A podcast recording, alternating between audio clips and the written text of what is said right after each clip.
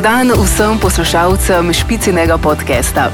Veseli me, da se ponovno slišimo in da imate spet odličen razlog za to, da naslednje, recimo, dobre pol ure preživite v naši družbi.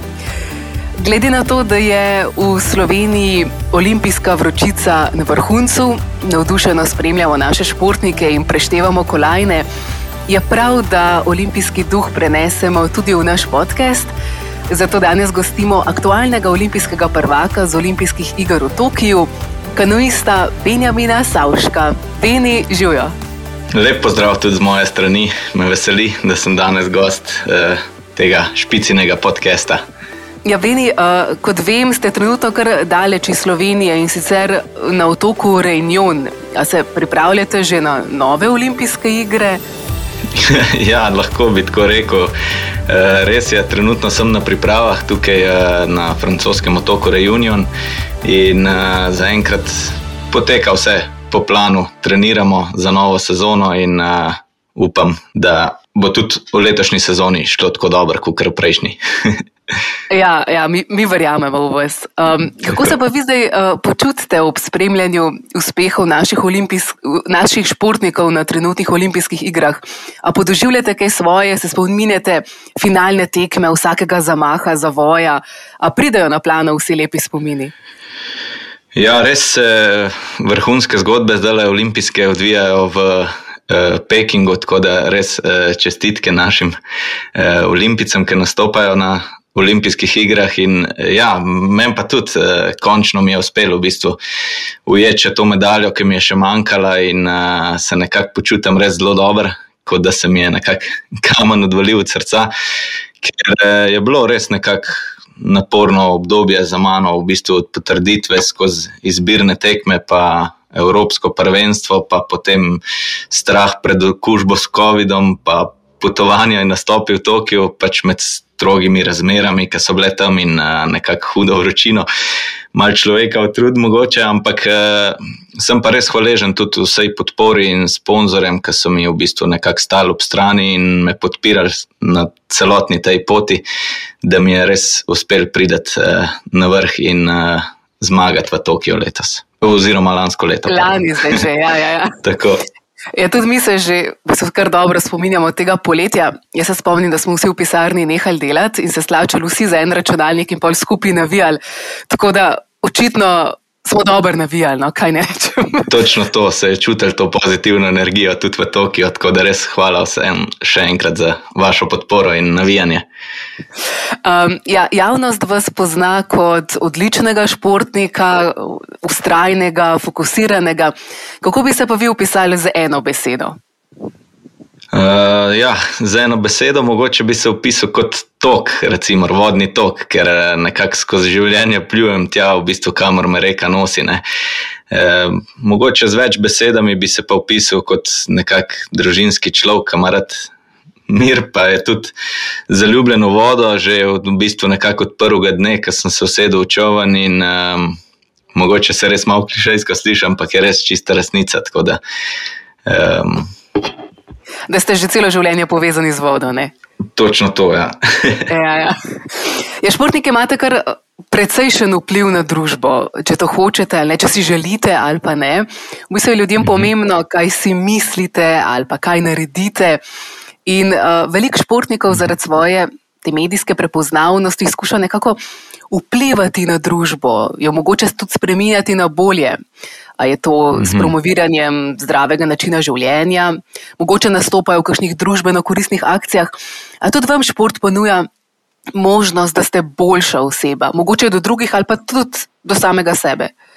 Ja, jaz bi rekel, absolutno. No. Tudi eh, do samega sebe sem nekako skozi šport pridobil veliko na disciplini, se nekako naučil tudi sodelovanja z ljudmi, pomagati mlajšim generacijam, pa nekako fair play, pač znotraj ekipe in tudi s konkurenti.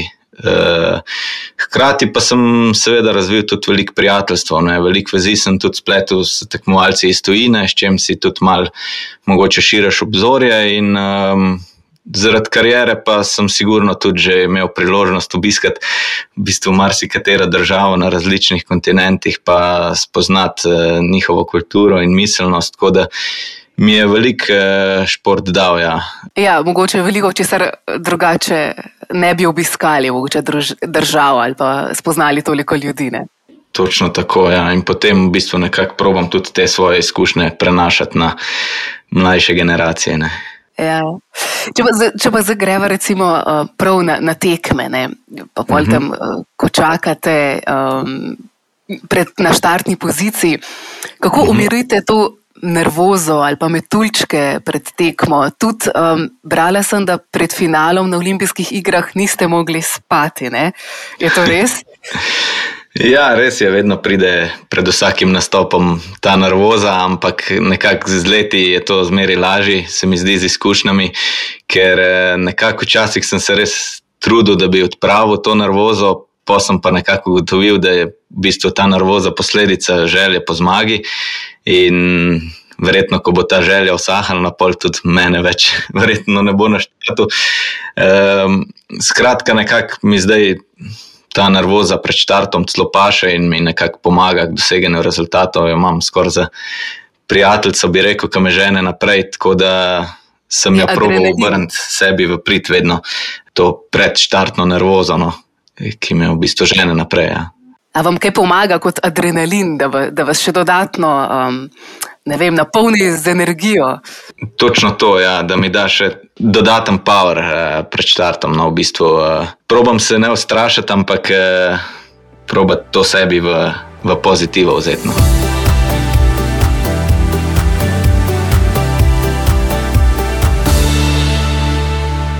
Kot ste že sami rekli, prej ne, ste že od prvega dne povezani z vodo. Uh -huh. uh, v športne vode ste zaplavali že pri osmih letih, tako da ste res celo življenje predani športu. Uh -huh. um, ampak profesionalen šport predvidevam, da veliko da, pa tudi veliko vzame.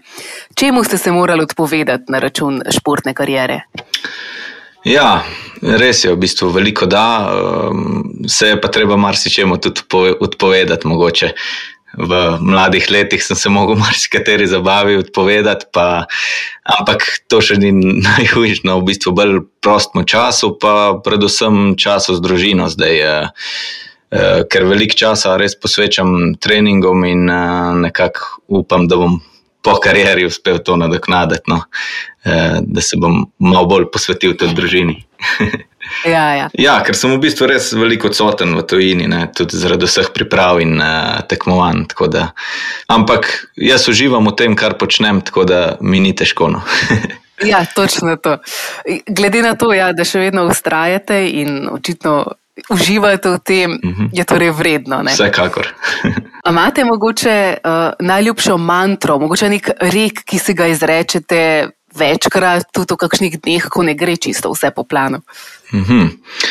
Ja, doskrat mogoče pred štartom si rečem, v bistvu v mislih nekako, zdaj pa spito vodo. E, in da me to še požene, še dodaten por po žilah. E, drugač mi je pa zelo pri srcu tudi rek, you never lose. Either you win or you learn, se pravi, da nikoli ne izgubiš ali zmagaš ali pa se naučiš, in uh, ja, nekako vedno je vredno probati in včasih tudi tvegati, sej nekako se res celo življenje učimo. No. Mm -hmm. Se pravi, vsak, mogoče tudi poraz, je v bistvu. Uh, učenje za naprej, ali kako bi rekel. Točno to, ja, se strinjam, da se treba veliko tudi iz porazov naučiti, ne, um, in uh, to sigurno prinese pol rezultate s časom, če ustrajaš ne, naprej. Mm -hmm. Um, ja, Platon ima tudi en rek, um, ki pravi: Odličnost ni darilo, temveč spretnost, ki zahteva prakso. Mhm. Torej, če bi dal to na vaš primer, bi lahko rekel, da leta in leta treningov delajo zmagovalce. Mhm. A se strinjate z njim, ali kaj bi vi rekli, da vas dela zmagovalce? A je to želja po zmagovanju, kot ste rekli na začetku, mhm. a gremo mogoče za bojazen pred porazom, kaj tretjega? Ja, vsekakor bi rekel, da je kle velik odrekanje, trening in trma nekako. Res eh, velikrat je treba iti v bistvu nekako out of the comfort zone, ne? Po domaču povedano, ven iz cone obdobja in tam mogoče bi res rekel, da se gradijo zmagovalci. Um, Ja, in verjetno se bo smešno slišati, če rečem, da se zmagovalci gradijo skozi poraze. Ne? Seveda, če se iz njih uspeš kaj naučiti tudi. In jaz sam si res velikrat pogledam zmagovalno vožnjo po tekmi, ampak definitivno pa še večkrat si pogledam posnetke svojih nekakšnih slabih voženj in poskušam iz njih ugotoviti razlog, zakaj je do napak prišlo in kako jih več ne ponoviti. Ne? Um, in ja, tako se nekako probaš iz porazov tudi kaj naučiti in povleči. Uh, mogoče pa ni res vse le v zmagovanju, meni je res tudi bila lepa ta pot do vrha, v bistvu nekako vse učenje, popravljanje napak, testiranje različnih kombinacij, pa opreme in nekako to je tudi čar te. Moje zgodbe, to me nekako polni z energijo, ta pot, na kateri uživam. In, um, če hkrati uživaš ob tem, kar počneš, pa ti tudi eh, časa in energije ni težko posvetiti temu. Ne. Ja, seveda, to je zmagovalna kombinacija. Tako.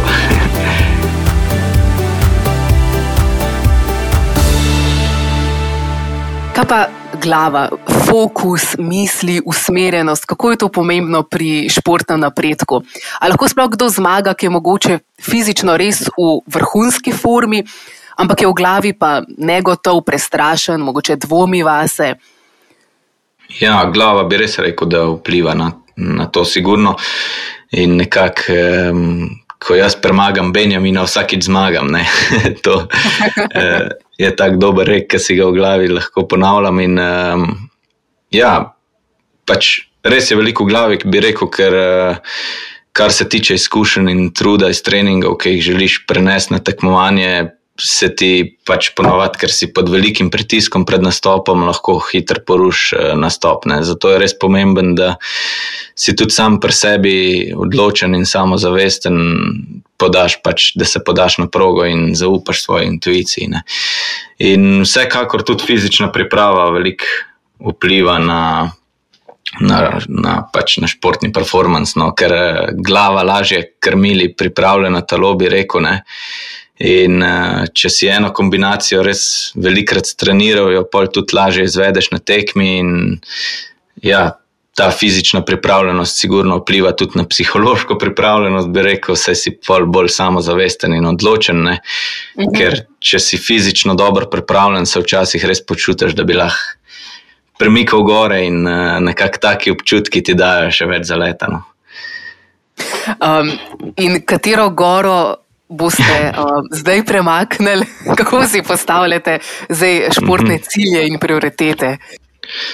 Ja, nekako res se v bistvu trudim uh, se optimalno pripraviti za vsako tekmo, tako da nekako ne razlikujem veliko med tekmami. Mi je pa vsako leto, razen v olimpijskem letu, pač največja prioriteta svetovno prvenstvo, pač kateremu res posvečam veliko pozornosti, tako med treningom, kot tudi pol v svoji glavi. Ne.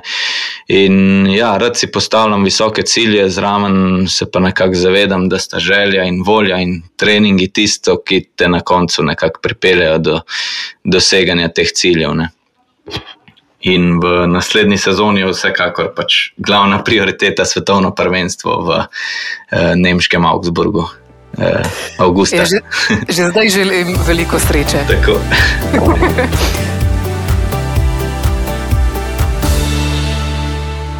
Benjamin, čeprav ste celo življenje res predani športu, pa ste kdaj mhm. pomislili, kaj bi delali, če ne bi bili športnik?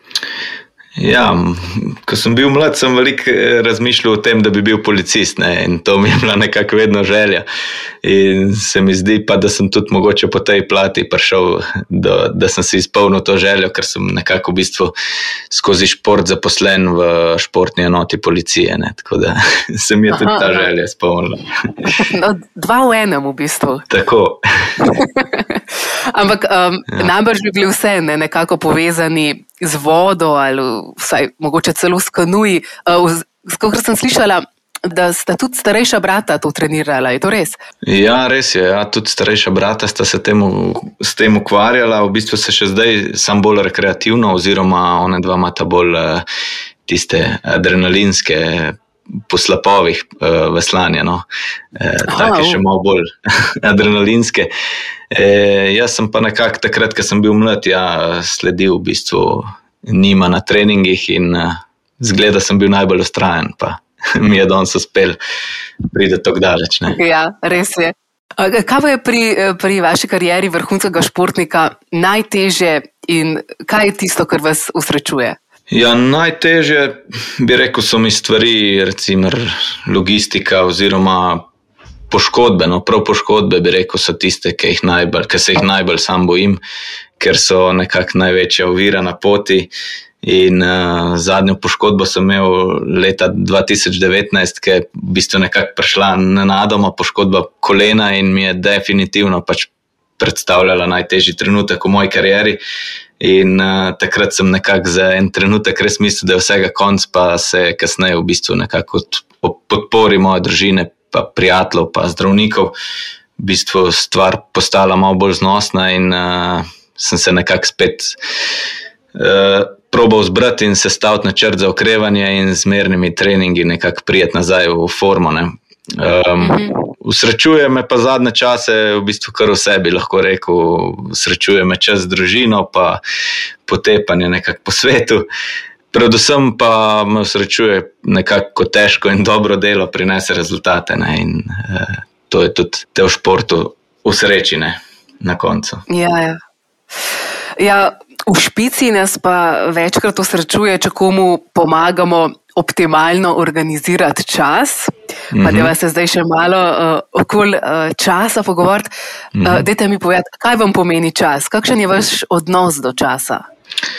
Ja, čas mi pomeni veliko, ne? predvsem, ker ga imam vedno premalo na voljo, da bi speljal res vse, kar hočem narediti v enem dnevu. Ne? In zato mi je nekako ponovadi res potrebno, da do potankosti načrtujem dan, da lahko res speljem vse načrtovane aktivnosti. In, um, ja, mogoče čas je pa najboljš delo v mojo korist, takrat, ko sem uh, v najkrajšem času prišel od štarta do cilja, brez dotika. Ne, in, takrat mi je čas delal v, v mojo korist. Ne. Ja, je bil čas na vaši strani. Točno to.